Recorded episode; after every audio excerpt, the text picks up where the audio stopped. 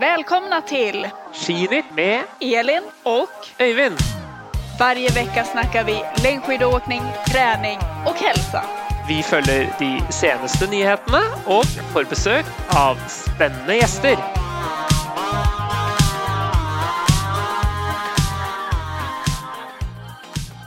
Välkommen till ett nytt avsnitt av Skidnytt. Idag tänkte jag och Öyvind prata en del om världscupsäsongen som har varit. Vad känner du för det Öyvind? Jo, Det går fort en säsong. ja, det gjør det. Det gjør det. Det gikk fort, Ja. og det gikk jo litt spesielt fort i år når det ble mye Det har vært korona, og det har vært eh, litt eh, både av det ene og det andre. Og OL tok jo mye fokus. Så jeg må jo si at eh, sånn eh, verdenscupsesongen 2021-2022 Jeg tror ikke det Om ti år så tror jeg ikke det er den sesongen her vi snakker eh, mest om, kanskje. Eh, vi husker OL-gullene. Eh, vi husker kanskje at det var en del avlysninger, men sånn rent sportslig så, så er det vel kanskje ikke den største sesongen. Men jeg vet ikke, jeg vet ikke om du, dere ser på noe annerledes i Sverige, kanskje? Nei, men jeg holder med og jeg tror at du syftar mye på det her med det vi pratade om lite här innan vi satte igång. Att eh, var det åtta stycken sa du som Ja. inte har blivit av? 8 av 23. Så det er jo Ja. over en tredjedel av rennene som, eh, som ikke har blitt arrangert. Det var jo, For å gå gjennom de, da, så var det jo da hele verdenscuprunden i, eh, i Le Rouge i Frankrike og prøve-VM i Planica, eh, som ble avlyst pga. Av korona. Og så nå på slutten så var det Human, da, eh, som skulle hatt verdenscupfinalen. Som eh, heller ikke ble noe av, da.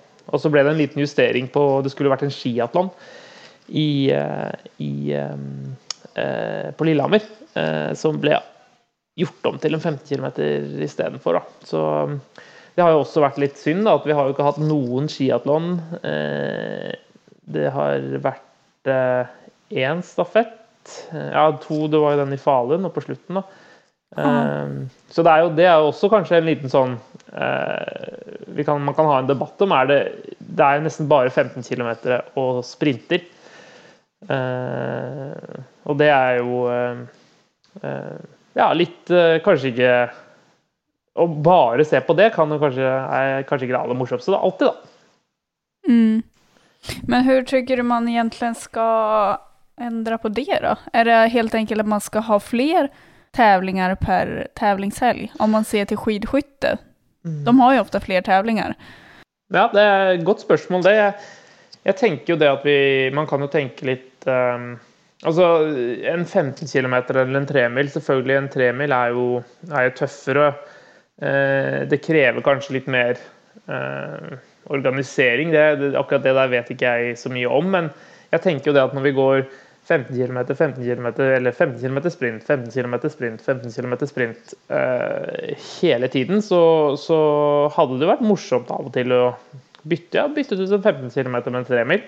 Eh, det, er ikke verre enn, eh, det er ikke verre enn det. Og man kan også få kanskje bytte ut i andre retningen òg, gå 10 km. Uh, nå er det fint med disse minitorene. De tror jeg er veldig populære, sånn som den vi har i Roka. og og eh, noen jaktstarter som vi skulle hatt innimellom. Eh, men, men det er jo fortsatt også bare 15 km.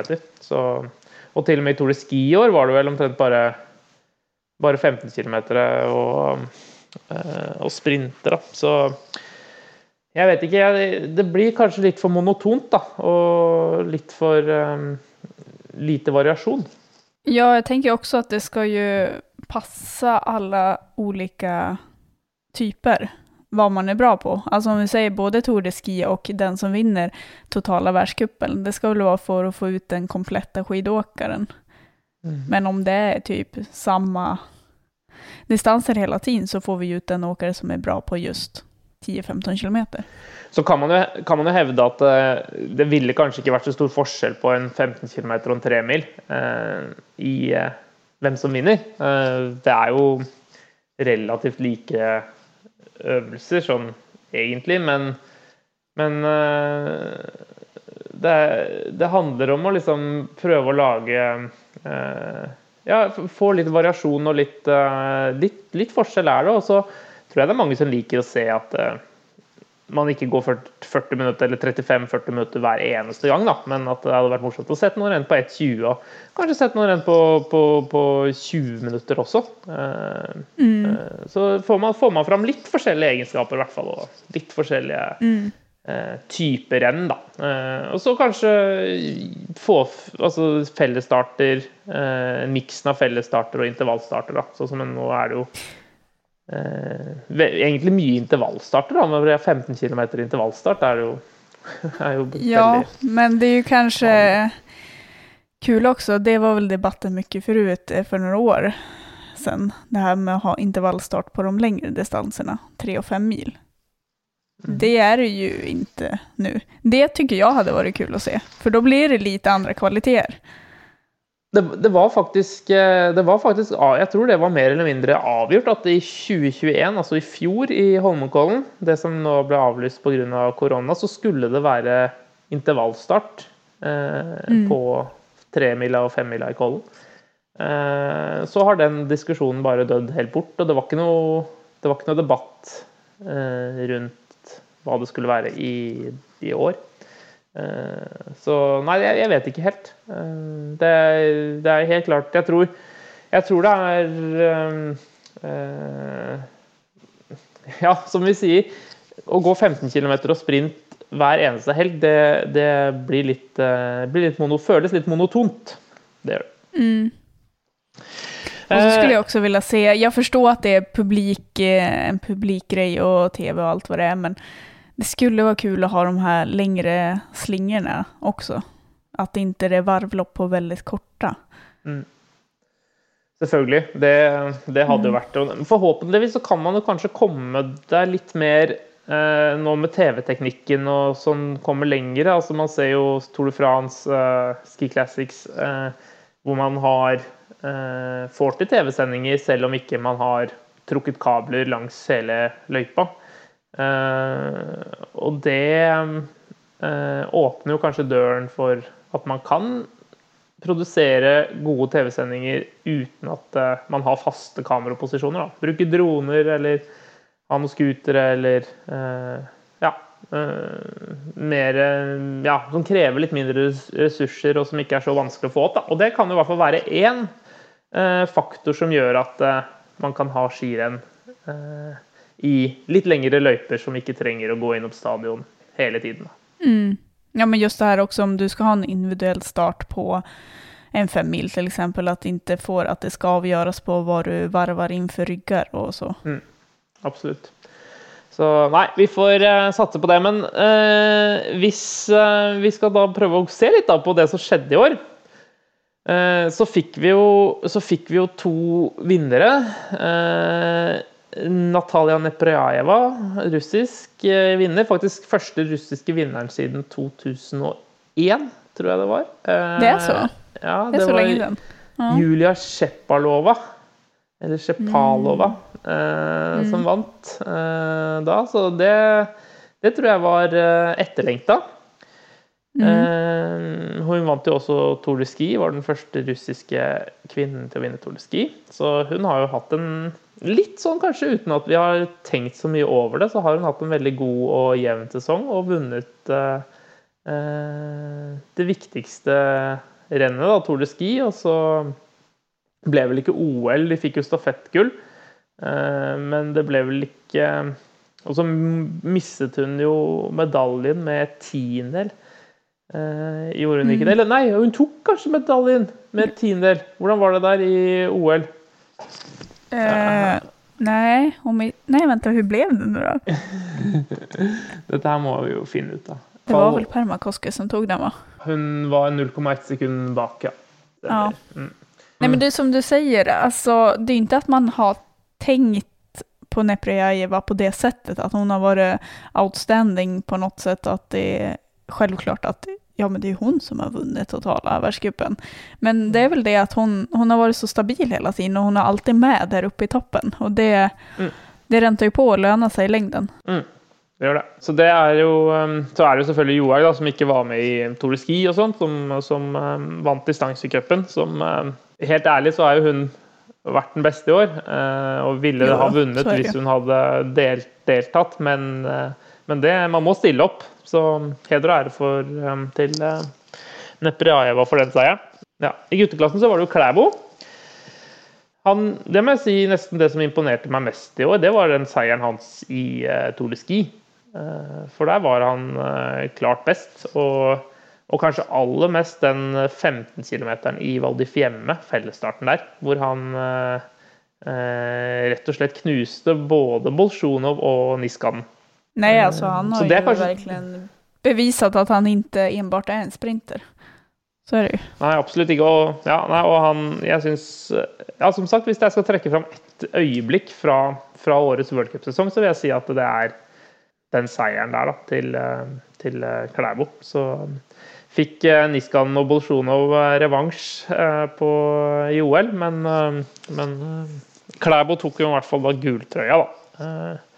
Det som kanskje var et lite skudd for baugen, som vi sier i Norge, var eh, at eh, Richard Schouv tok eh, sprintkula.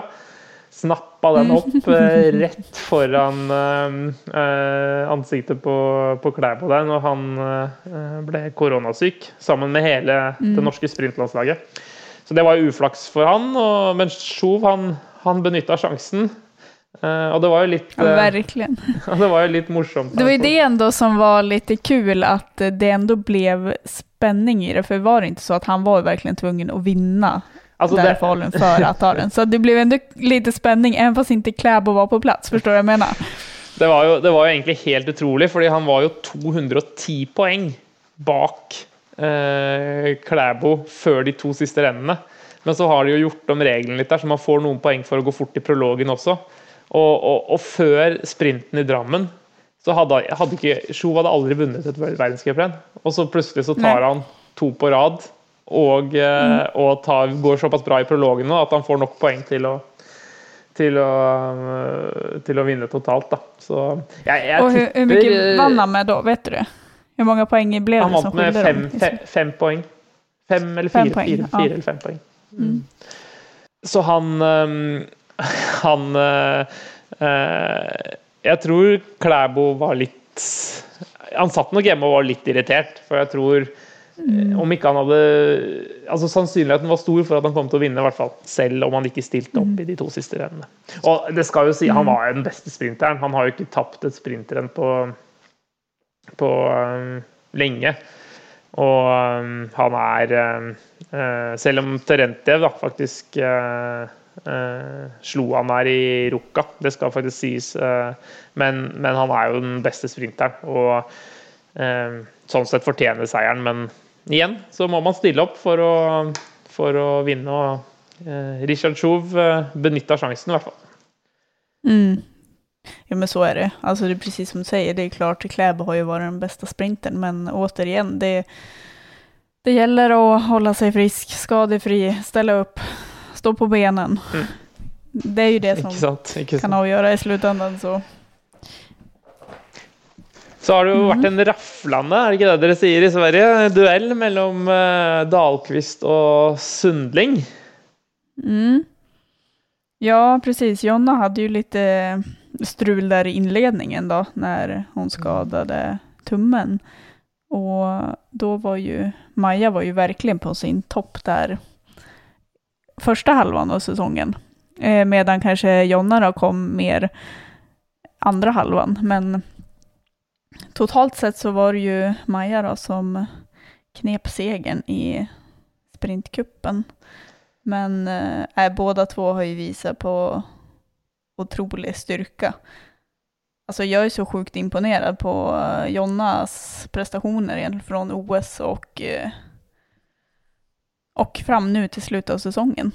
Det är liksom, det är inte bara sprint hon har presterat in, hon har ju gjort sina livslopp i, även i distans.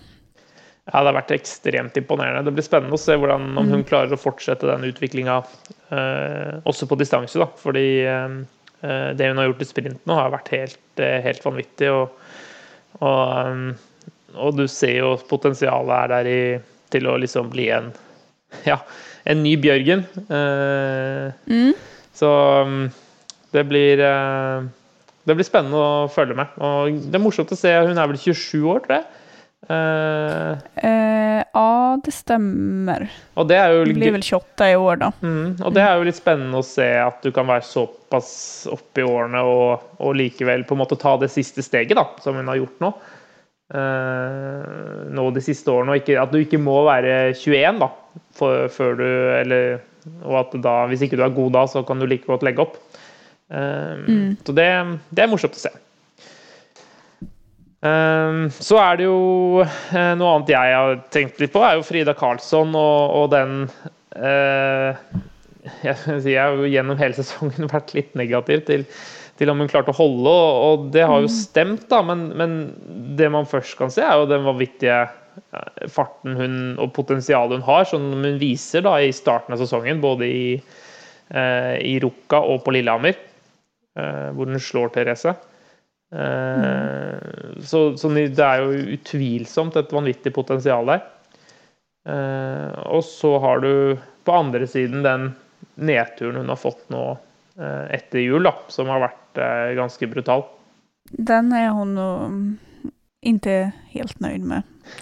Andra halvan av säsongen. Det är hon inte. Ehm, och jag ska inte sitta här och uttala mig vad det beror på heller. Om det är fysiskt, mentalt, både och. Det... Men hon har ju uppenbarligen inte varit i samma slag som hon var i början av säsongen. Vi får eh, satse på at noen måneder har hun mange måneder på seg til å finne tilbake til eh, flyten og rytmen, og så, og så eh, er det eh, ikke før i november igjen hun skal være i form, så vi får satse på at eh, hun eh, finner ut av det til da. Men eh, Det har i hvert fall vært, Starta ehm, på ny kule, grann. Mm. Og det er i hvert fall ikke noe og helt utvilsomt et stort potensial der. Og, og det som vil skje med de som Ja, med Frida og med Ebba og med Nepraeva og, og, og Kertu og Niskan og, og Krista Parmakoski og alle de Heidi Weng, alle de som har vært nest best nå, som ofte som regel har fått andre, kjempe om andreplasser, de skal jo nå kjempe om førsteplassene. Eh, Og virkelig kan begynne å bygge et sånt stort navn, da. Eh, fordi de, har, man, de siste årene så har de levd litt i skyggen av Therese. Eh, Jo, og det nå, har ju blivit så. så, så nå har de jo virkelig Den som tar, tar sjansen, eh, har virkelig mulighet til å, til å bli eh, Ja, bli, bli stor, da. Hvem Så- skal ta over efter Therese nå, da, i Norge? Vem tror du? Nei, det, ja, det, det er et godt spørsmål. Uh, det du ser er ut nå. liksom på ung, ungdomsfronten? fins det noen de prater om nå som er noen ting utover det vanlige? Uh, noen skal si. Ja, vi har en uh, Vi har en eh, junior som er førsteårsjunior, da.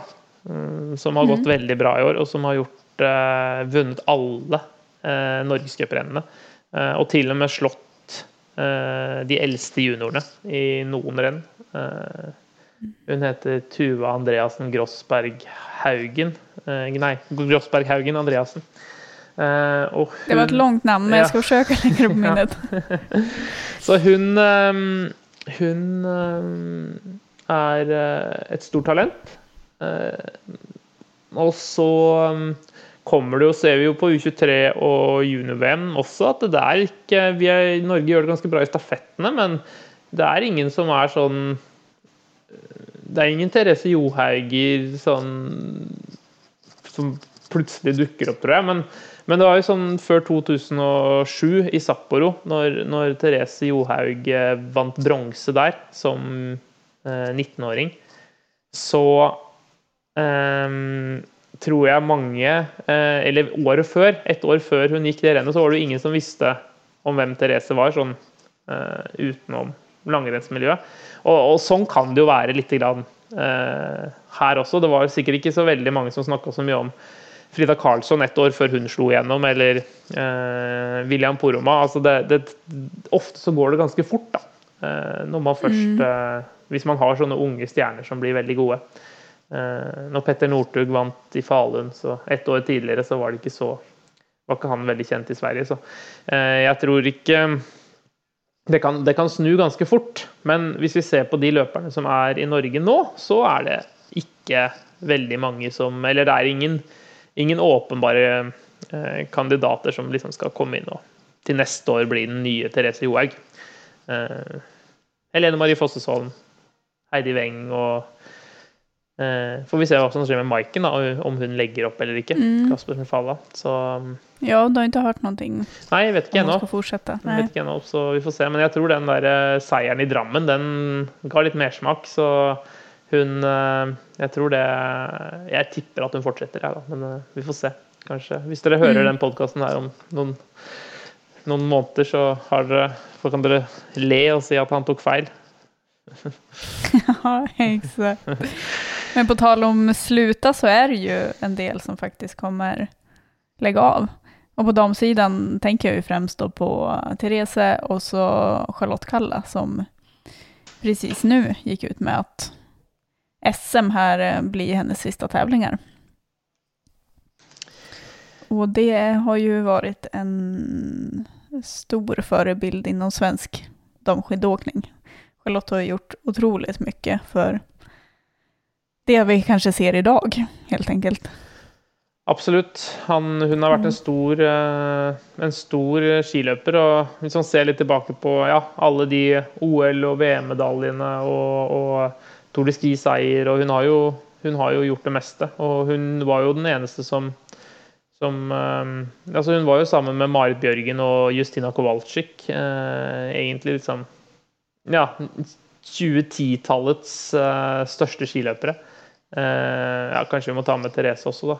Eh, men ikke sant, i hvert fall veldig eh, god. Selv om det er noen år siden nå, da, og hun har slitt litt de siste årene, så, så, skal hun ha Ja, tror jeg hun har vært en av de viktigste grunnene til å holde interessen i, i Sverige eh, oppe. Da. For det var jo en periode der hun var ganske alene eh, på mm. Sverige. Da, eh, på liksom eh, Til å gjøre, gjøre det veldig godt, da. Mm. Nej, men jag tycker också, precis som du sa här, nu har hon haft några tyngre år. Men jag tror att det är så viktigt att komma ihåg vad hon faktiskt har gjort. För det är så lätt att man bara kommer ihåg det, det senaste. Eh, som Therese, hon slutar ju verkligen på, på topp nu. Och då det, det kommer man ju ihåg. Så att eh, Charlotte måste man ju verkligen backa bandet lite för att faktiskt förstå vad hon verkligen har gjort. Mm. Og så er, det jo, um, så er det jo en litt lignende løper. Det er jo Daru Colonia som gir seg. Han, uh, han har jo også mm. slitt litt de siste årene. Uh, men ikke sant, når du tenker på da tre, tre OL-gull uh, på 15 km med åtte års mellomrom, både Vancouver, Sotsji og, og um, Pyeongchang. Eh, så skulle han prøve å ta det fjerde nå, da, eh, på rad. Eh, det gikk jo ikke helt. Eh, men han fikk en OK Det gikk jo ikke bra på 50 km, men femmila var ikke så helt gærent. Han ble vel nummer Jeg lurer på om han ble topp ti? Ni, eller noe sånt. Eller kanskje han var rett på andre sida, men i hvert fall eh, ikke sånn helt gærent. Men, men um, han er i hvert fall en uh, stor skiløper, han også. Fire Tour de Ski-seiere. Uh, og uh, ja, vært en av de en av de største. Og han har jo blitt kåret til foran navn som, som Federer og uh, I Sveits så har han blitt kåret til årets mannlige idrettsutøver og sånn. Så han har en stor stjerne. og uh, Ja, det er jo litt trist at han også gir seg, da. Uh, og sammen med han så gir også Jovian Hediger og Lorien van de Graaf seg også i Sveits. Men det er jo litt sånn som det typisk er. Etter sånne OL-år så blir det jo blir det mange som tar en vurdering da, på om de fortsetter eller ikke. Mm. Men um, bra. Nei, ja. Um, Har du noe mer å tillegge om sesongen? Nei, altså jeg gleder meg allerede til neste år. Ja. Det er jo sånn sett litt trist, men så må vi jo ikke glemme at vi har, eh, vi har jo fortsatt helger igjen av sesongen. Eh, det er jo det her som er Altså jeg personlig, for min mening, så var jo jeg Det var jo nå jeg begynte å komme i form. Det var jo eh, litt synd sånn sett, da, men jeg var jo alltid mars- og aprilløper. Og syns at de siste rennene er de fineste. Og det er jo også en kjempefin tid å gå på ski på, for du har jo sola Det er ofte fint vær. Eh, kaldt på natta. Eh, kommer man seg ut på morgenen, så er det god glid, og så blir det godt og varmt. Og så er det eh, rett og slett uh, veldig fin tid å gå på ski på hvis man, har, hvis man bor steder hvor det er snø. da. Uh, Mm. så, og nå er det jo da på rekke og rad her. Først uh, Årefjellsloppet. eh, 100 km til, nå til helgen i Ski Classics. Og så er det Reistadløpet helgen etter der. Og så er det Illes Levi siste helgen før påske. Så, og I tillegg så er det jo NM, del 1 og del 2 eh, i eh, Norge. Og det er jo SM i Sverige. Piteå. Eh, I Norge så er NM del 1 i Harstad nå førstkommende helg, og så er det NM del 2 på Lygna. Eh, samme helgen som altså den helgen før påske. Eh, og så er det jo uh, Red Bull Nordenskioldsloppet. Sikkert noen som skal gå der. Det er allerede nå til helgen. Uh, det går an å gå Troll skimaraton. Det er Skarverennet. er jo ikke før 23. april. Så um, selv om verdenscupsesongen er over, og selv om kanskje de som bor i, i sentrum i Oslo eller i Stockholm eller sør i Norge eller Sverige ikke har sett snø på ganske lang tid, så i fjellet så, så er det fortsatt vinter. Så mm, det er eh, mye å se fram til. Og litt i den eh, av det så har vi jo tatt med oss en langløper da, som fortsatt har en del igjen av sesongen, og som har gjort det veldig bra de siste, den siste måneden. Eh, er gjesten vår. Han heter Andreas Nygaard. Eh, Det blir spennende å prate litt med han.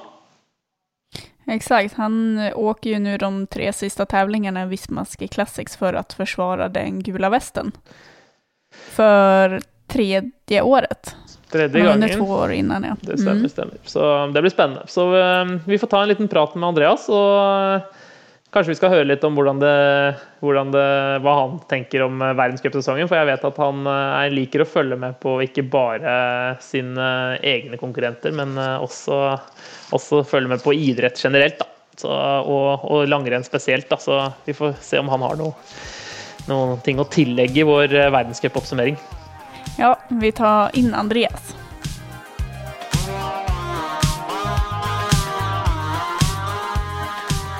Ja, da sier vi velkommen til Skidnytt til Andreas. Takk for at jeg fikk eh, bli invitert. Så eh, nå er jeg her i Tromsø klar for en liten podkast. Det er vi som skal takke. Ja, precis. Du er på hemmaplan nå og mellanlandar litt mellom helgene her, tävlingshelgerna. Ja, det måtte tilbake til Tromsø, så eh, det er ikke så mye man får gjort mellom de her helgene nå. Det er jo, er jo tøffe renn, og begrensa hva man får gjort imellom, så da er det fint å være hjemme og ja. Jeg regner med at du har funnet fram eh, rulleskia, Andreas. Det begynner vel å bli bart oppe i Tromsø der, tenker jeg?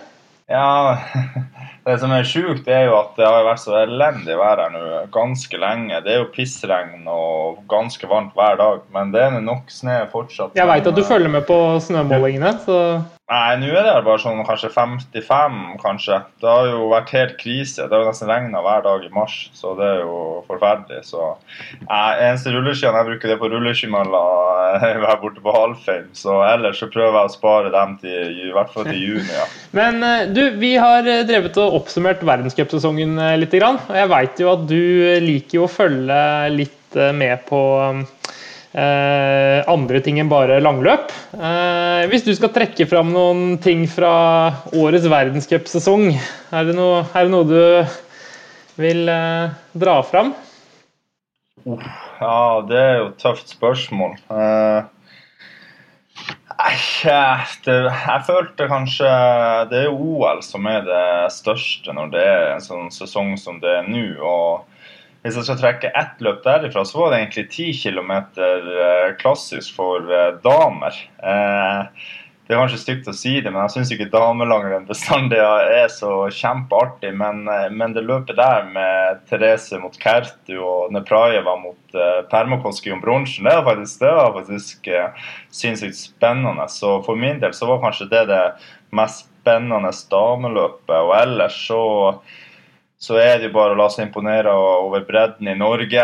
Eh, litt artige uttak eh, til verdenscup enkelte ganger for Norge, men at langrennssporten står sterkt i, i, Norge fortsatt, så er det mye, det er mye Jeg vet at du følger litt ekstra med på Ivo. Jeg vet at Du, du og Ivo har litt, litt, ekstra kontakt. Han var jo med oss på samling i, på Mallorca her for en del år siden. og Da var jo dere to romkamerater og sånn. Eh, hva sier du si om utviklinga hans? Den er, den er ganske rå.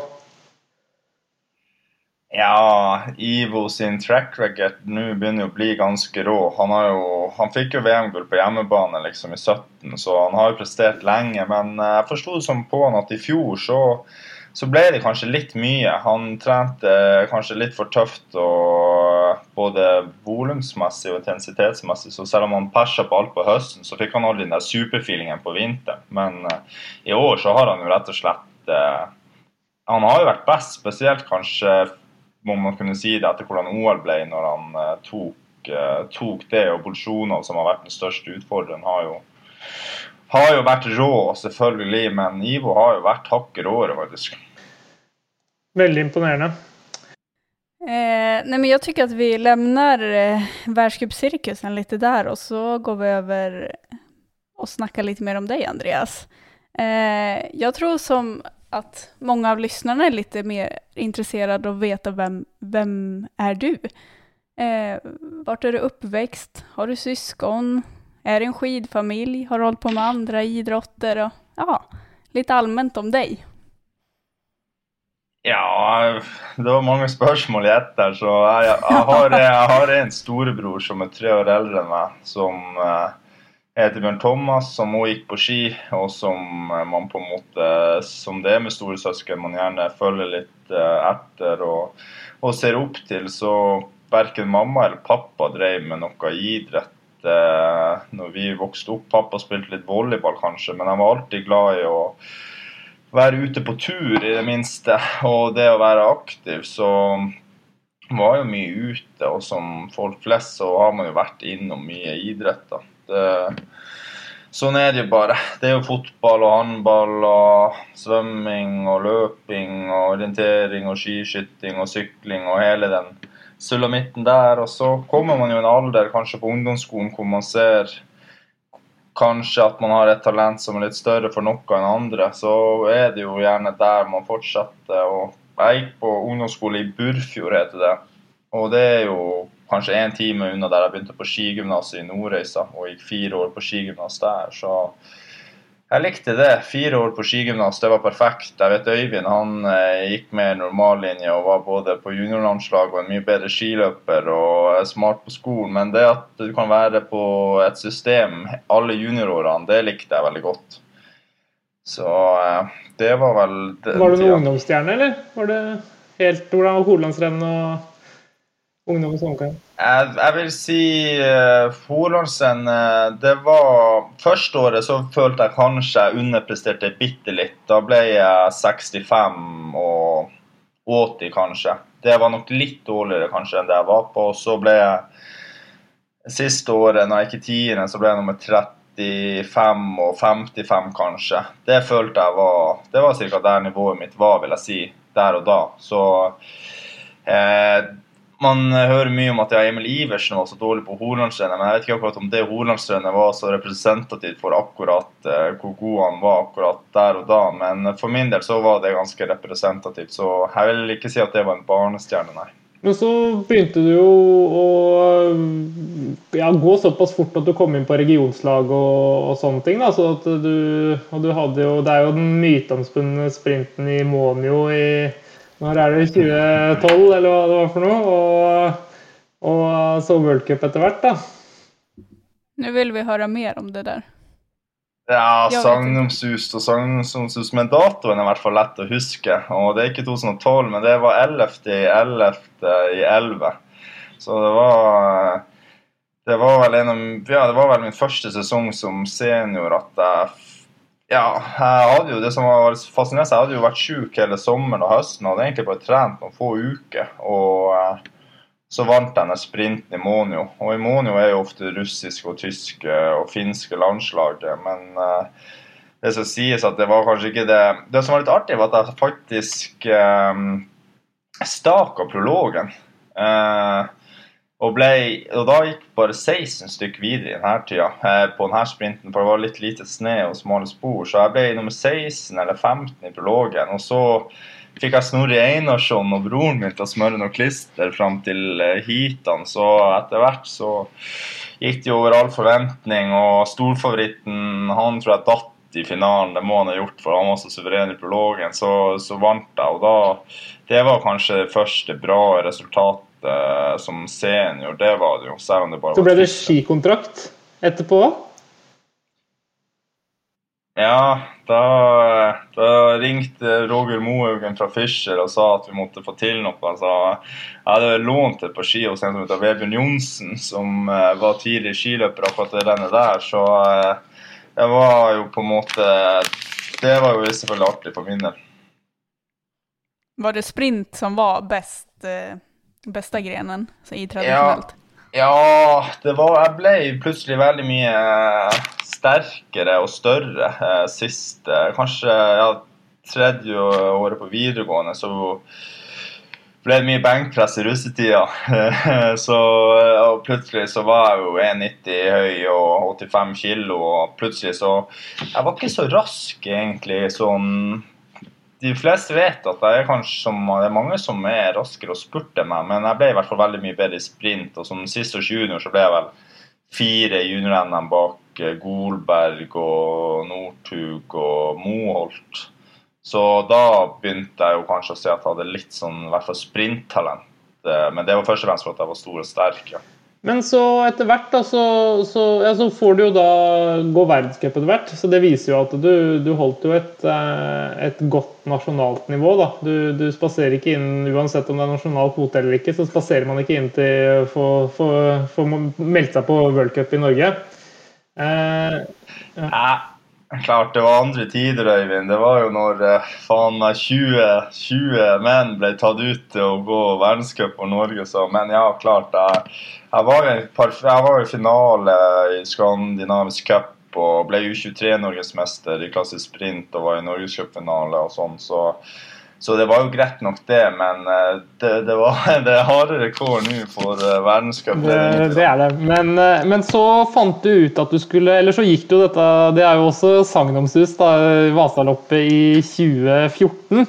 Men hadde du gått noe langløp før? Hadde du noe formening om at det var noe som passa deg godt? Hadde du gjort noen forberedelser? Hvordan var hele den der rekka der som gjorde at du endte opp med å gå det Vasaloppet i 2014?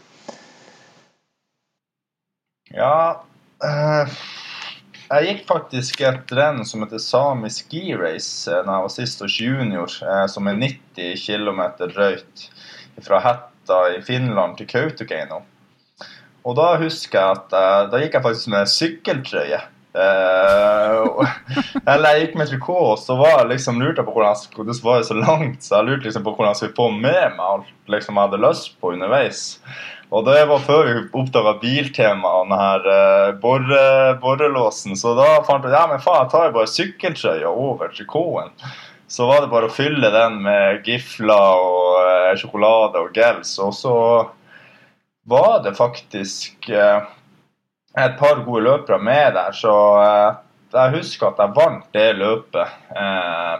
og da det var bl.a. en finsk landslagsløper med akkurat det løpet der som eh, Jeg husker jeg fikk oversatt i ettertid at det var sånn et par mil for mål, så hadde han drevet og ropt på Finns noe sånn 'Reisa peita, minne kokka sin holdet', et eller annet på Finstad. Ikke akkurat de der tingene da. Og så var det en som hadde oversatt til meg i ettertid, og da hadde han finneren vært skikkelig sånn bare, 'Hvem er han her eh, fyren med sykkeltrøye som du henger på? Jeg har aldri hørt om han, og hva er det som skjer?' Og, og så tok jeg og eh, knakk han opp i en sånn siste bakke opp til mål, eh, og, og vant det løpet. Så jeg husker det var kanskje første gang jeg merka at det å gå langt det var noe som jeg hadde talent for. Eh, det var jo i 2010, kanskje. Våren 2010 eller 2009. Og så gikk jeg halvbirken, må det ha vært kanskje i 2013. Og da var jeg ikke noen spesielt god skiløper. Jeg var kanskje rundt 50 i landet ja, på en normal dag. Og da ble jeg nummer to bak Simen Østensen og Sputslo Pål Golberg og ja, Morten Eide Pedersen og noen gode gutter. Så da skjønte jeg jo at det var jo veldig mye bedre enn jeg gjorde alt annet. Og det var jo veldig lett løype, selv om vi gikk med feste utrolig nok i 2013 på det løpet som er nesten helt flatt. Og da gikk jeg Vasaloppet i 2013 også. Det gikk ikke så bra. Da knakk jeg staven i bunnen av første bakken. og gikk hele løpet, eller hele bakken og et par kilometer innover med, med bare én stav. Og fikk ny stav, som var en skiskytterstav, som var altfor kort. Som jeg gikk nesten og løpe med, og det ble, ja, det ble dårlig. Så jeg var jævla skuffa. Sånn, hvis du ikke hadde knokket staven, hadde du, tror du du hadde hatt noe du kunne gjøre i det rennet? Nei, ikke sånn, men broren min han var med til Oksberg i tetgruppa på 25 stykk der. Og han hadde liksom aldri på en måte Han, var, han hadde aldri slått meg på sånne lange ting. Så jeg tror liksom jeg hadde vært med teten kanskje til Oksberg da, og så blitt rundt eh, 25-30, da kanskje, la oss si det. Det tror jeg er ganske Det er ikke sånn, det er ganske greit estimat. Og så året etter så fikk vi tilbud å bli med Vibeke Skofterud sitt lag og Team Enpro. Jeg og en som heter Espen Mikkelsen, som er landslagsmører for skiskytterlandslaget nå. Og det var jo da det der, om ikke famøse Vasaloppet, men uh, da ble det jo et Vasalopp hvor jeg ble nummer seks. Og ja, det jeg mista brillene som jeg snudde, som kanskje mange har hørt. Og sånn. Men det som også var litt artig, da husker jeg faktisk at jeg hadde testet ski på morgenen. Blanke ski eller rødski. Og så glei jo selvfølgelig de blanke skiene mye bedre, så jeg bare jeg må gå på blanke ski. Men eh, så, da var man og testa i første bakken i Vasan med den veien som dere vet. Dere har gått masse ganger opp som er litt over halvveis opp. Og så tok jeg på meg rødskiene med konkurranseskiene i handa, og så rant jeg ned bakken. Og så mens jeg renner ned, så bare tenker jeg sånn her Eh, fader, altså. Det, det her er altfor bratt. Jeg er ikke, jeg er ikke trent for det her. Jeg, jeg kan ikke stake. Det går ikke, liksom. Så kom jeg i bunnen av bakken og enden av og så tok jeg bytta sånn at jeg tok eh, eh røbbskien i handa og staka bort på blanke skiene, og så bestemte jeg meg for jeg går med røbb.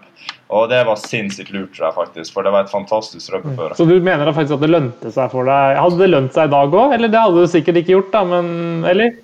Nei, Nei, det var bare for at jeg var ikke trent for distansen, så alle som slo meg, gikk jo blankt. Men det var så ekstremt bra å gå med røbb, fordi at uh, det var så vanskelig å gå ifra i front. Og så siste ti så var det jo ikke fordel, selvfølgelig, men for meg så var det jo, var det jo fordel. Så jeg var sinnssykt Og det, dette var jo det året hvor, uh, hvor Audun Leggerland var i utbrudd og holdt på å vinne, bare så at folk husker dette her. da, Og Jon Christian Dahl, uh, Johan Kjølstad og uh, Jørgen Brink var vel de tre eneste som akkurat klarte å ta han igjen. Og så ble du nummer to ja. i den spurten 10-15 sekunder bak. Stemmer det? Ja, stemmer. Jeg tok eh, bakkjent i Resjak der inn mot mål, ser jeg på sendinga. Det er ikke alt man husker når man går, men jeg husker jeg fikk bakkjent til Resjak, som er fortsatt i skremmende god form, og, og ble nummer seks der. Så det var jo selvfølgelig over all forventning, og jeg tenkte oi, det her var nå ikke så spesielt vanskelig. men, men du må, jeg må, må, nesten plage deg litt, for at det, det, mange i Norge har jo hørt den historien om de brillene. Men altså, du må ta en kort, du må ta en kort uh, recap av, av, det.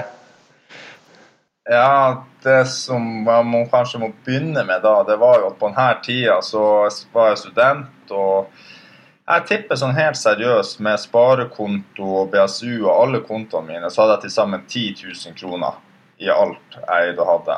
Og da rett før vi skulle få gå til Vaseloppet, så fikk vi beskjed om vi skulle gå for N-Pro, og de hadde jo liksom litt sånn mye oransje i, i, klærne sine og sånn. Så jeg tenkte jeg faen, det hadde vært jævlig rått å ha noen nye, freshe briller til Vaseloppet. Så for jeg ned og kjøpte et par nye Oakley-briller til sånn ca. 3000. De var sinnssykt dyre. Og jeg husker fa, pappa han holdt på å fly i flint når han hørte, hørte hva jeg hadde gjort og hvordan jeg tenkte rundt økonomi. Så etter at jeg hadde fått roa han litt ned, så bare ja, så var det greit. Så fløy så kjørte vi ned bort til Vasan. og etter kanskje 40 km, siden det snedde, så hadde jeg brillene opp på hodet litt en periode. Så var vi en stor gruppe, og så får jeg en stav som liksom kommer svingende eh, på han som går foran meg, og liksom vipper av brillene. Så de flyr bare rett av. Og, og da jeg jo begynner jeg med en gang å tenke bare å nei, å nei, å nei. å nei, å nei. Og så vi, Feltet beveger seg i en viss fart, så var, det var jo mange i det feltet. Så jeg bare nei, jeg må bare gå. Jeg kan jo ikke, jeg kan ikke liksom, stoppe opp her. Så gikk jeg videre, og så bare tenkte jeg Nei, fader, altså. Jeg har brukt altfor mye penger på de brillene, så jeg har ikke sjans her uansett. Så jeg tok og liksom eh, Da var jeg liksom ute i feltet, så da stoppa jeg bare opp og så trakk jeg til meg stavene, sånn at alle kunne passere. Så når feltet var passert, så tok jeg snudde og så gikk jeg tilbake. Ja, det var sikkert i hvert fall 250 meter. Du må ha vært langt bak, da? Ja, ja, så bare Og så fant brillene, så tok de på, og så tok jeg så tok jeg igjen feltet. Så det var jo Jeg tenkte ikke så mye på det, at det var så sjukt akkurat der og da, men så i ettertid så ble det jo eh, mye rundt det der, da, så det var, det var litt artig. Så jeg skal sies at Var det ett år du skulle miste brillene på Vasan, så var det i 2014. Så jeg tror ikke det hadde så mye å si. Men det er ju en underbar historie, da. Det var ikke verdt å leve men, så, men så er vi jo også litt, eh, litt nysgjerrige, Andreas, på, på dette kallenavnet ditt. da. Eh, eh, oksen. Eh, hvor er det det kommer fra? Altså, vi ser jo du, det, det, det, Jeg regner med at det kommer litt fra kroppsfasongen din. da. Uh, og jeg føler at jeg er litt sånn skyldig selv i å på en måte faktisk prøve å liksom få, det litt, uh, få det litt opp og fram, men jeg, det er ikke jeg som har funnet det på. Nei, jeg er faktisk enig i at jeg tror du så er ganske stor skyld i at det har kommet opp og fram. Jeg føler du var en god pådriver på oksen, men jeg vet liksom ikke helt uh, sjøl hvor det kom første gang. Men uh, det har jo selvfølgelig en sammenheng med størrelsen. Uh, det er jo ikke så mange utholdenhetsutøvere som er på samme størrelse som meg. og jeg føler jo egentlig at oksen er oksen fra Grimstad, en syklist som heter Tor Hushovd, som var veldig god å spurte i slag og på bakke. Eh, og liksom at det er han som, hadde, som egentlig er den ekte oksen. Men eh, hvor det, men jeg følte Øyvind var den som egentlig fikk det til å spre seg litt mer enn uh, annet enn internt i, i gruppa. Ja, men det er jo fortjent, og du har jo blitt såpass god nå, Andreas. at det, Man fortjener jo et kallenavn. og alle, de, altså, alle, som vi snakker om, alle de store syklistene har jo det. ikke sant? Altså Falken fra Bergamo og Kyllingen fra Herning. og... Eh, ikke sant? Altså, så, um, så du, eh, det er bra det at du har fått deg et uh, ordentlig kallenavn, så det må du bare fortsette med. Det, ja, folk skjønner hvor du kommer fra. Når man ser deg gå på ski, så er det, det er uh, mye power der, i hvert fall. Stark som en okse. Ja, ja, det er jo det som er litt artig. At jeg er jo ikke så ufattelig sterk heller, hvis du måler rent styrkemessig. Men kanskje akkurat i skisporet så kan man se med alle de pygmeene rundt seg, så kan man kanskje se litt stor og sterk ut. Ok. Jeg har svårt å se at du skal være alla fall. Men ok, Andreas. Um, du, er nå altså, du har nå vunnet en Vasa Birken-dobbel for andre gang. Og altså, jeg er litt sånn at når man, når man begynner, og Vi har jo snakka lenge om, om, om uh, Aukland, og du har liksom, vi er liksom de gamle legendene og sånne ting.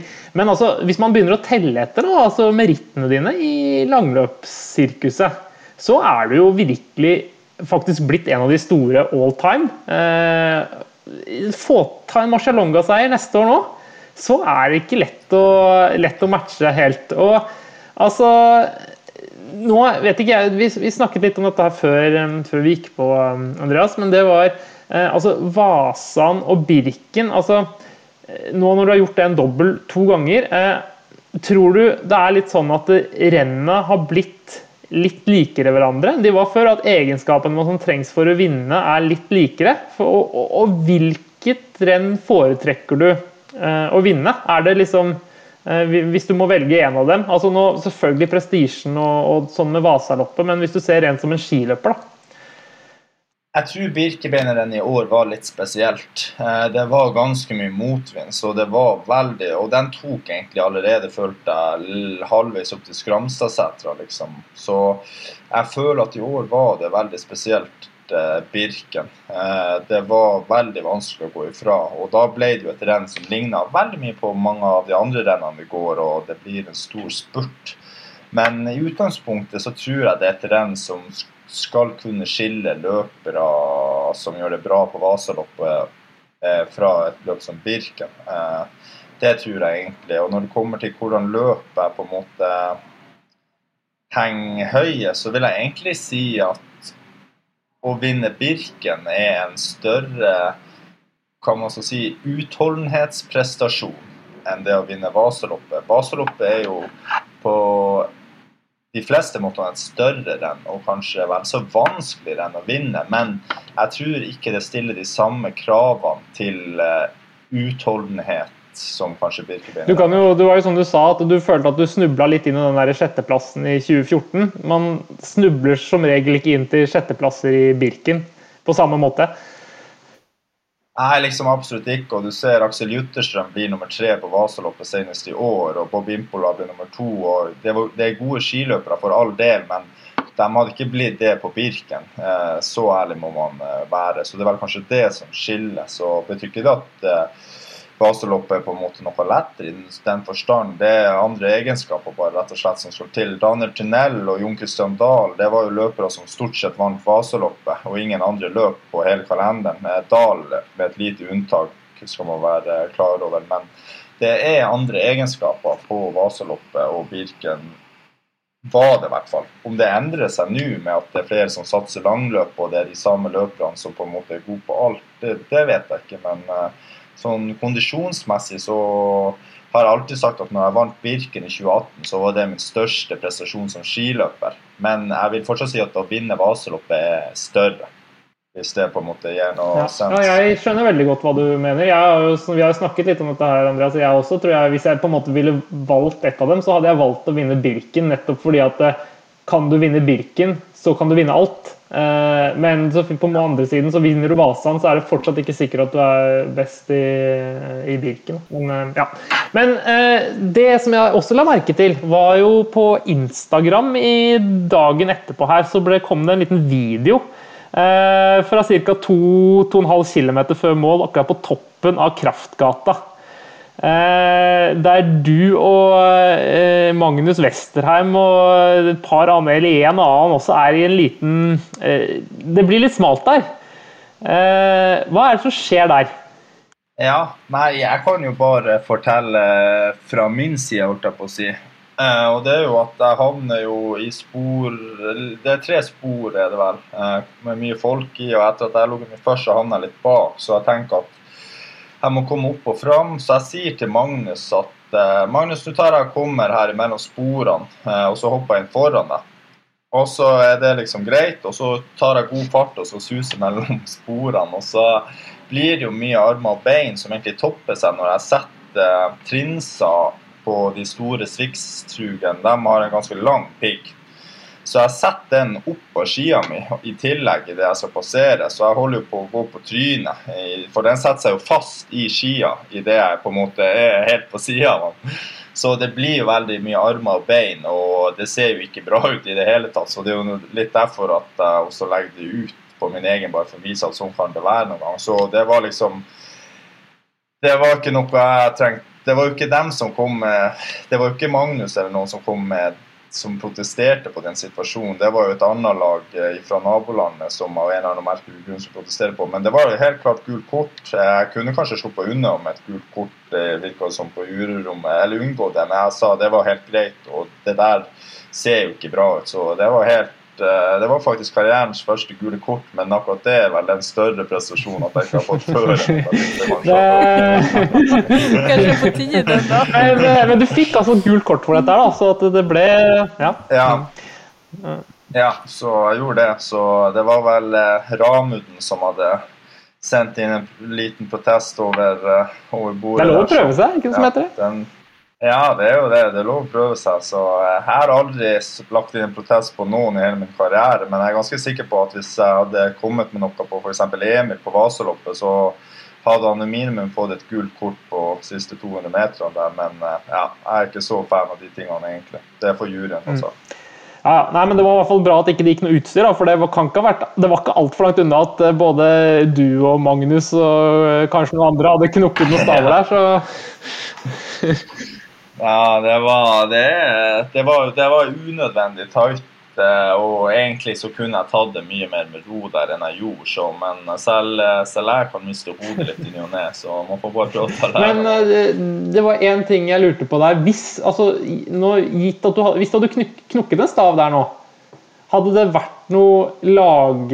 Hvordan er lagordren innad i Ragde da? Hadde det vært sånn at du hadde fått en stav av Karstein, Johan eller Kasper? For det var jo de tre som uh, uh, var i gruppa sammen med deg. Eller Og Oskar var der, ja. eller hadde du måttet si sayonara til den spurten? Jeg hadde fått så mye staver å velge mellom at du aner ikke.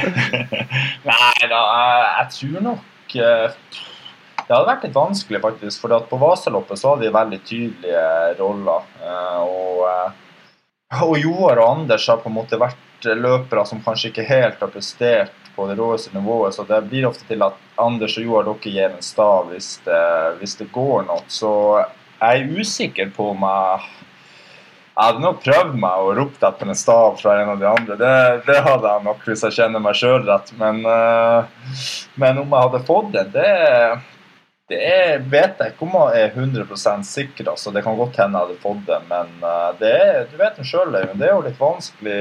Alle som er der med teten inn på Birken, de har jo egne egne ambisjoner. Selv om du har gitt fra deg plasseringer både på oppløpet i Birken og, og staver på Marcialonga, så vet du jo litt at det er ikke alltid det er like tydelig på forhånd. Nei, absolutt ikke. og Det kan jo også gå så fort. og Det er jo helikopter. og Hvis de ligger foran i gruppa, så er det ikke sikkert de får det med seg. Du, selv om du er god til å skrike. så...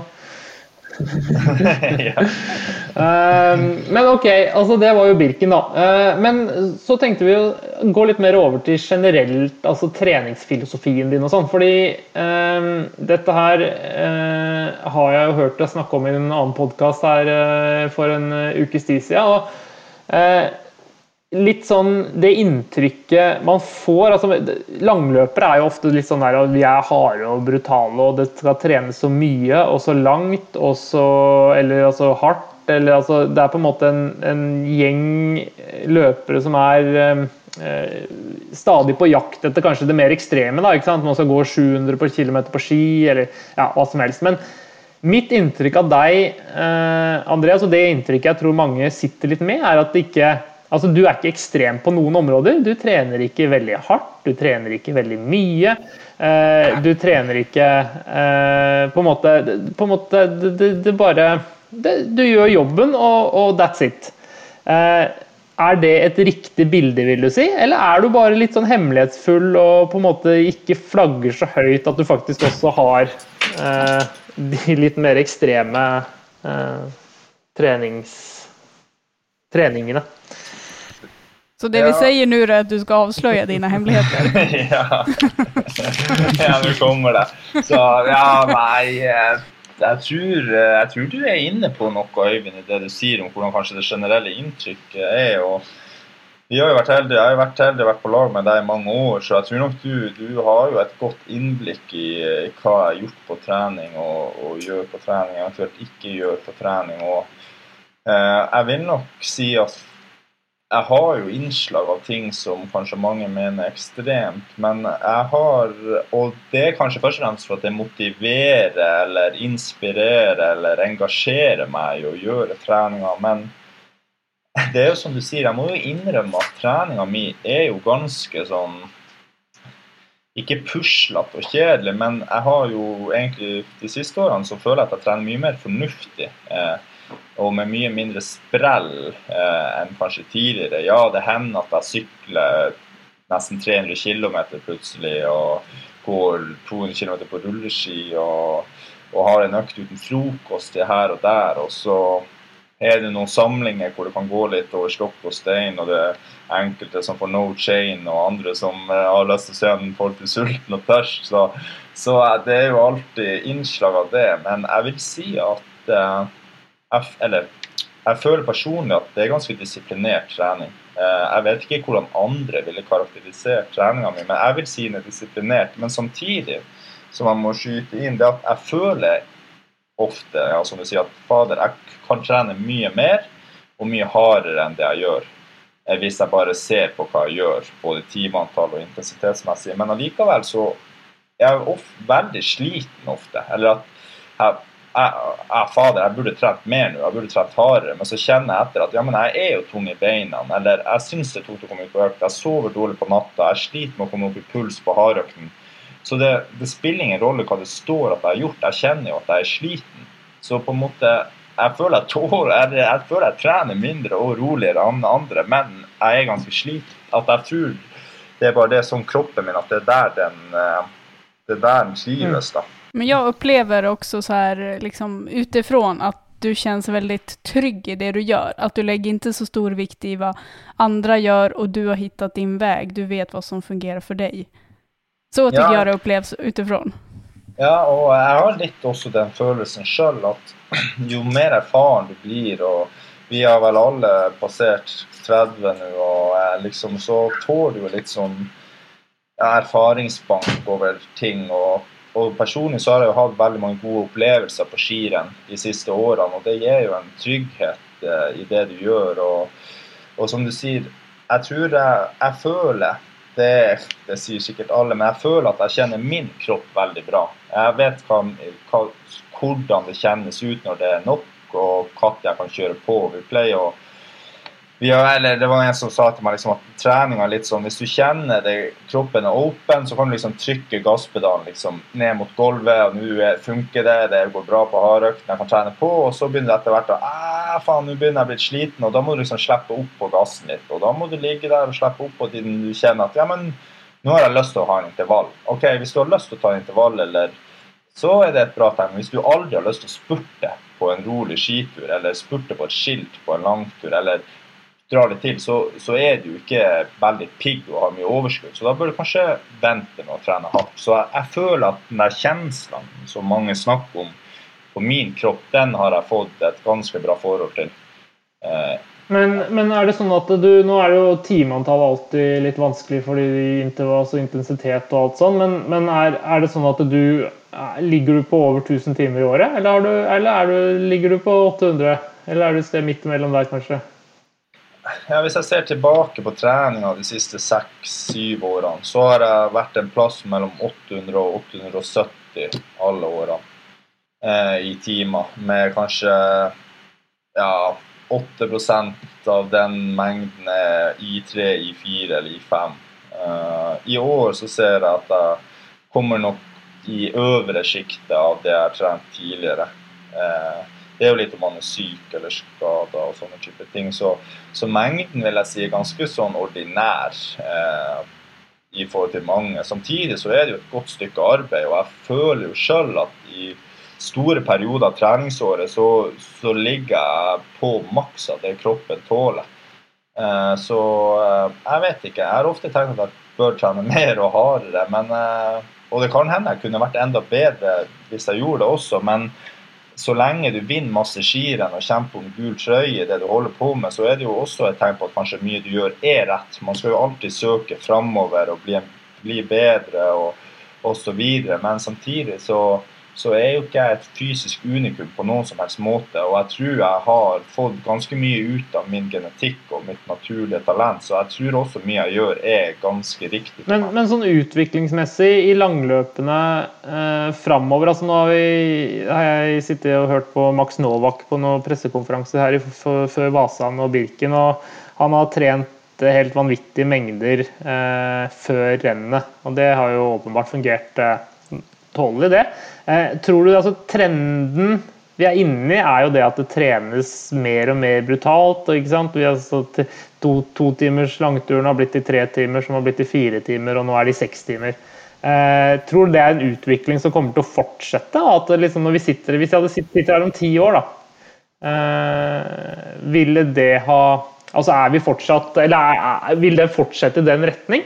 Ja, jeg, jeg tror eh, Jeg tror nok kanskje snittimeantallet vil være høyere eh, i langløpssirkuset om ti år enn det er kanskje akkurat nå. Men jeg er usikker. Hvis jeg ser på mine egne tall og andre tall jeg kjenner, så Man snakker mye om nivået, og kanskje det er så mye høyere. Men jeg føler jeg har et ganske godt inntrykk over hva som har vært toppnivået de siste syv-åtte årene, kanskje. Og jeg føler personlig ikke at den som vinner skirenn nå, er en bedre utøver enn det Eliassen var i 15, eller det Toras Lierdal var i 16 osv. Eh, jeg tror det de presterte der, det er like bra som det beste som presteres nå. Men det er så utrolig mange flere som kan være på pallen og topp 10 og topp 20 og topp 30. Eh, jeg ser jo, Hvis jeg går på det og det på mølla, eller drar det og det på skihelgen, eller springer det og det, så, så kjemper jeg om seieren i hvert renn hvis jeg har skien. Og det er ikke sånn at det er så det er ikke liksom sånn at det er mye bedre enn det jeg gjorde eh, for fire år siden, eller noe sånt, eller det Petter har gjort. Så jeg, tror toppnivået har ikke endra seg så mye, men jeg tror pga. at så mange trener så mye mer og bedre, og det er flere som har et bra opplegg og prioriterer det, så er snittnivået blitt veldig mye høyere i feltet. Ja, Det er et godt poeng. Jeg er enig. Jeg tror det er eh, en god oppsummering. Eh, eh, så var det én ting til som jeg kom på fra Som jeg, som jeg har hørt historier om før. Det er 20, jeg tror det er høsten 2014, første året du er på Sentrik. Dere er på høydesamling i Valsenales. Det trenes brutalt. Andreas Nygaard er ung og skal henge på de beste gutta. Han får gnagsår. Eh, og hva, hvordan, hvordan, er den samlinga der? Den, er, den, den, har jeg hørt litt sånn bruddstykker fra. Gnagsår? er antatisk av det skavsår? Ja, det er vel det.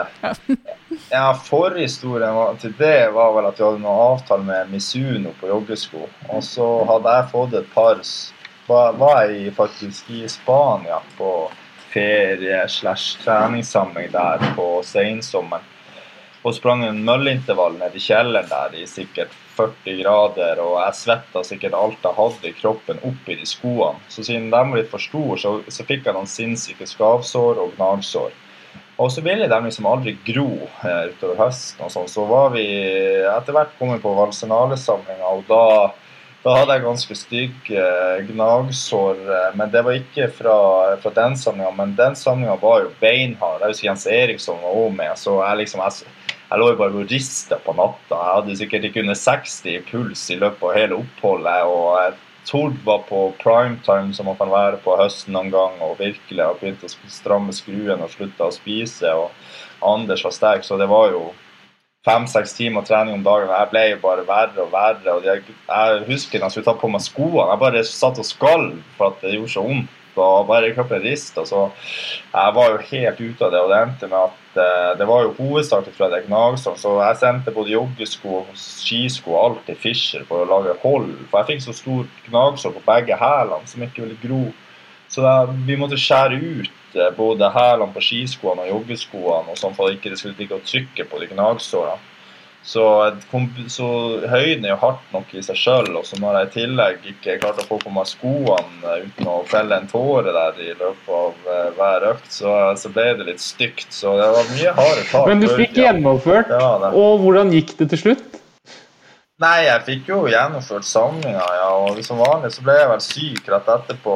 Sesongen ble vel Den ble vel sånn passe, men jeg husker først og fremst at det var veldig hard tid der. Jeg syns vi trente mye tøffere på den tida enn vi gjør nå, så jeg vet ikke om det er bare times Nei, er, Du er nok blitt litt bedre, Andreas, men jeg òg, selv om jeg kom inn året etterpå, så syns jeg kanskje 15-16 og 16-17 var verre enn 1920. Eh, ja, ja, absolutt. Så Heldigvis ble Anders litt dårligere, og Jørgen la opp, så det var Tord som styrte tempoet på, på langturene. Ja. Men uh, hvis vi da ser litt framover, da, i, um, i uh, krystallkula uh, Jeg regner jo med at det er en et, Det har jo vært det, føler jeg, noen flere år, da, men det blir jo enda mer utprega til neste år. Marcialonga, sier jeg. Ja. Det har du sikkert lyst til å dra i land? Ja, klart. Jeg tror det er mange som har lyst til å dra i land Marcialonga. Eh, jeg tror det var veldig nært i, i år. Eh, det er jo lett å si i ettertid, men eh, det er ikke så mange marginer der som skal til som skulle vært annerledes for at du går om seieren, f.eks.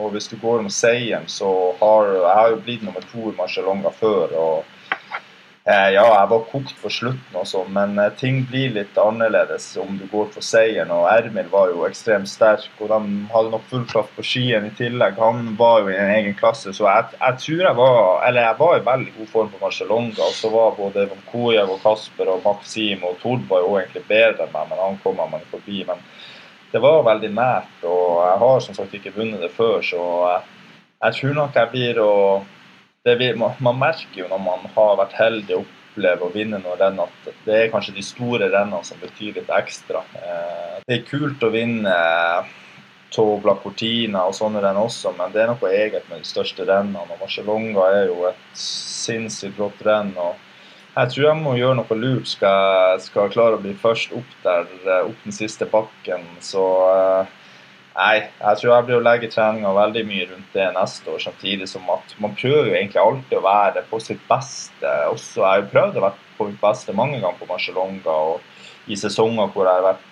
vunnet gul trøye og vunnet mange andre renn, men samtidig ikke klart det. Så det er noe med den ene dagen at alt skal klaffe. Det er jo litt tilfeldigheter. Du får ringe Tore Bjørseth Berdal.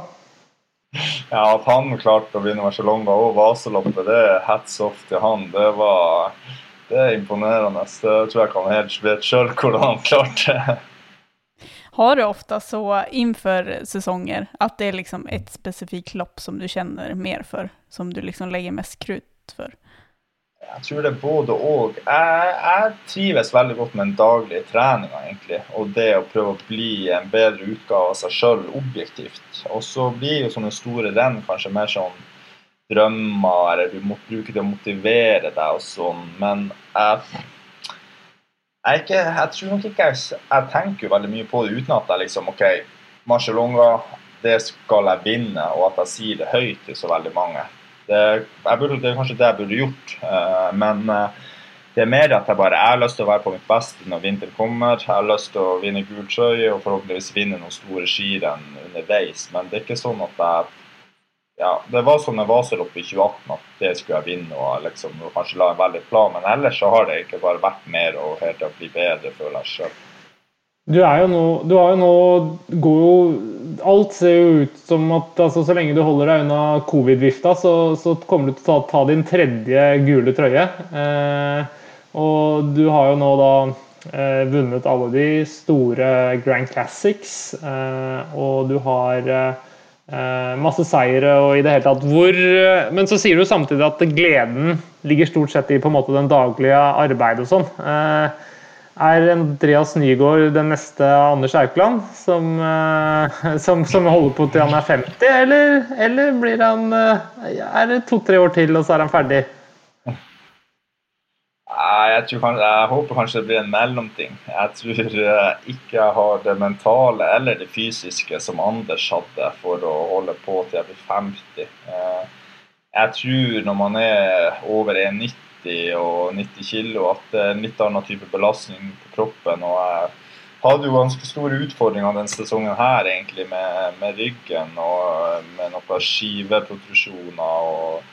Sånne ting. Eh, så jeg, jeg, tror, eh, jeg, tror, kanskje det mentale er dem. jeg tror ikke talentet og det, og det, fysiske er på plass til å kanskje holde mer enn Jeg håper å få fem gode år til. Da er jeg veldig fornøyd. Så Samtidig så er man avhengig av at det er liv laga, når man har passert 30, og selv om man ikke har barn og hus, holdt jeg på å si, så er det jo avhengig av å kanskje ikke drive på dugnad så veldig i mange år. Så, men så lenge jeg presterer, eh, så vil jeg nok kunne fortsette. Jeg tror ikke du trenger å drive på dugnad på fem år til, Andreas, nesten uansett hvordan du gjør det. Så det tror jeg du kan slappe av med.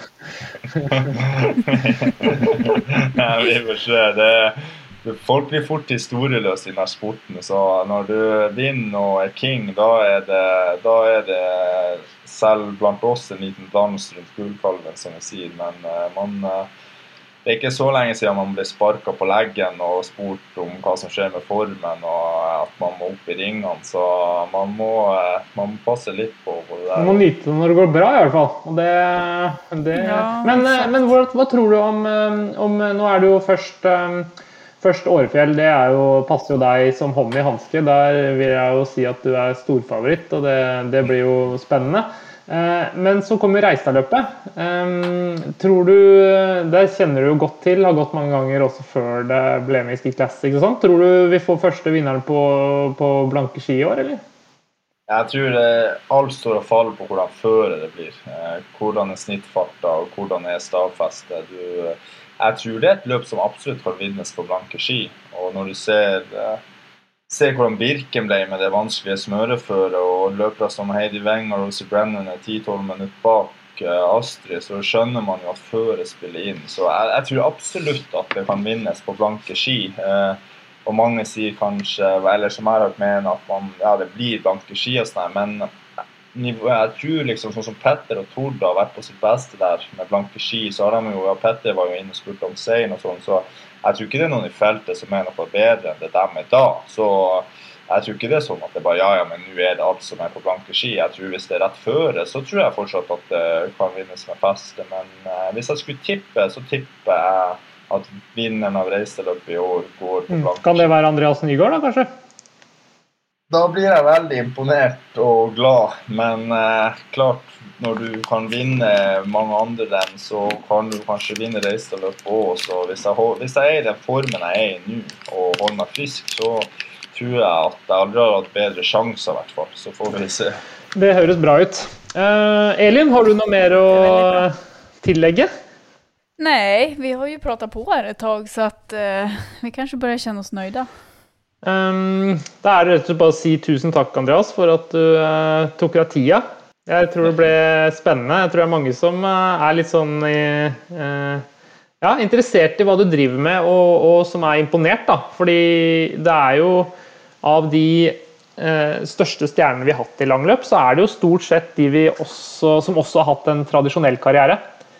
Eh, spesielt i Norge, da, med kanskje spesielt Anders Aukland, eh, Jon Christian Dahl, Petter Eliassen og Tor Lars Gjerdalen.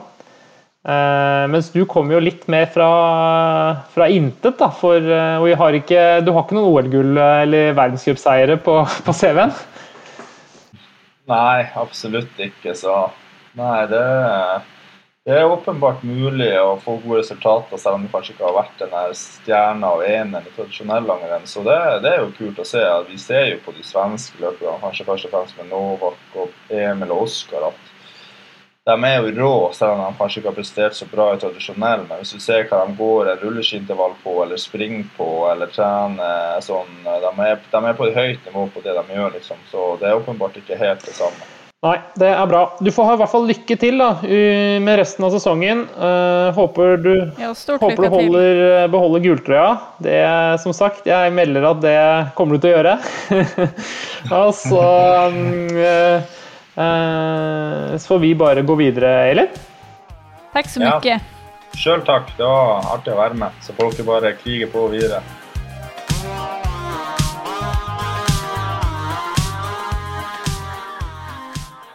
Ja, det der var Andreas.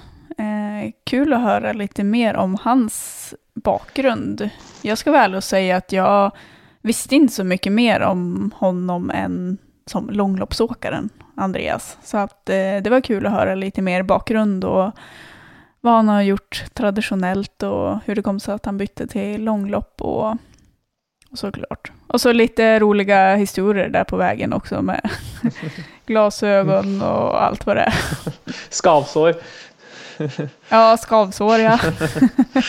Men jag tyckte det är ganska, vänta vad heter det nu då? Gnugge, Gnagsår. Gnagsår ja, men det, alltså, det är väldigt logiskt. Jag tyckte nästan att det var lite gulligt.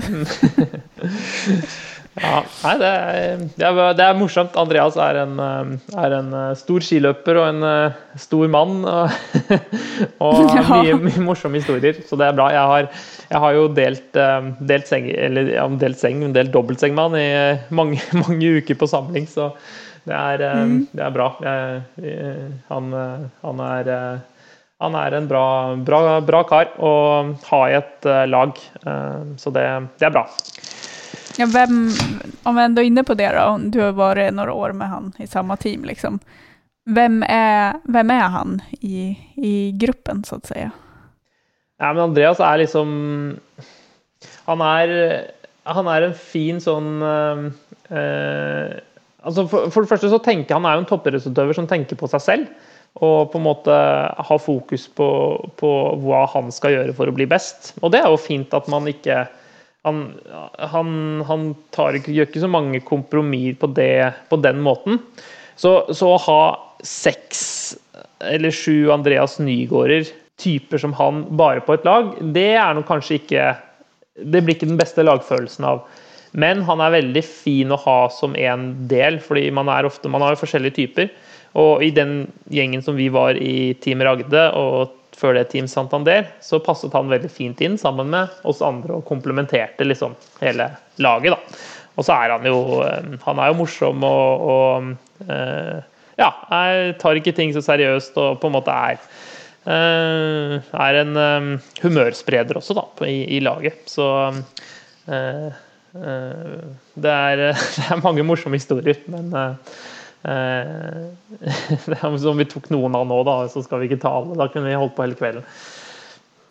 ja, nej, han känns som en herlig härlig kille som sprider mye positiv energi rundt omkring seg. ja, absolutt, ja. absolutt, Det gjør han også. Og så er det, det, det glemte vi, det skulle jeg faktisk tatt opp med ham, men også, det er også litt morsomt hvis skal spise, når du har spist mat sammen med Andreas, så er det um, la oss si, det pleier ikke å være, du, ser hvor Andreas har spist. Uh, for det er ofte når vi spiser så har det vært litt sånn der loff og, og brødskiver og uh, Ja, ofte, ofte, litt sånn hvitt brød, da, sånn bagetter og sånne ting. Og han er veldig flink til å mm. Man er ikke alltid så opptatt av å ha en tallerken under. Så han kan ofte bare dele opp, og det er ja, det, du, du ser hvor han har spist, spist maten sin, som regel. Det er like mye utenfor tallriken som på tallriken. Av og til så kan det være, litt, kan det, være det. Ja. Det skulle være en bra idé, eller han kanskje har det, men det vore en bra idé for han har en hund kanskje, som mm, kan gå og støde etter han. Ja, mm. Godt poeng. Ja. Ja. Nei, men uh, bra, Elin. Uh, vi får vel egentlig bare pakke sammen. Den episoden her blir jo veldig veldig lang, da. Men uh, dere, jo, dere som har orka å høre gjennom hele, dere syns sikkert det var interessant. Mm, precis, vi ju litt lite på her hva som hender her här i slutet av sesongen. Så at eh, följ det och så tänkte vi att vi är tillbaka efter eh, Ylleslevvi som är säsongsavslutning för Visma Ski Classics. Ha det bra da. Inntil da. Hva sa du? In, i, Til till dag, till dess. Så Jaha, till dess. Ja. I mine öron lät det som ha det bra, men inte idag. ja, ha det bra till dess. Vi hörs, hej. Hej då.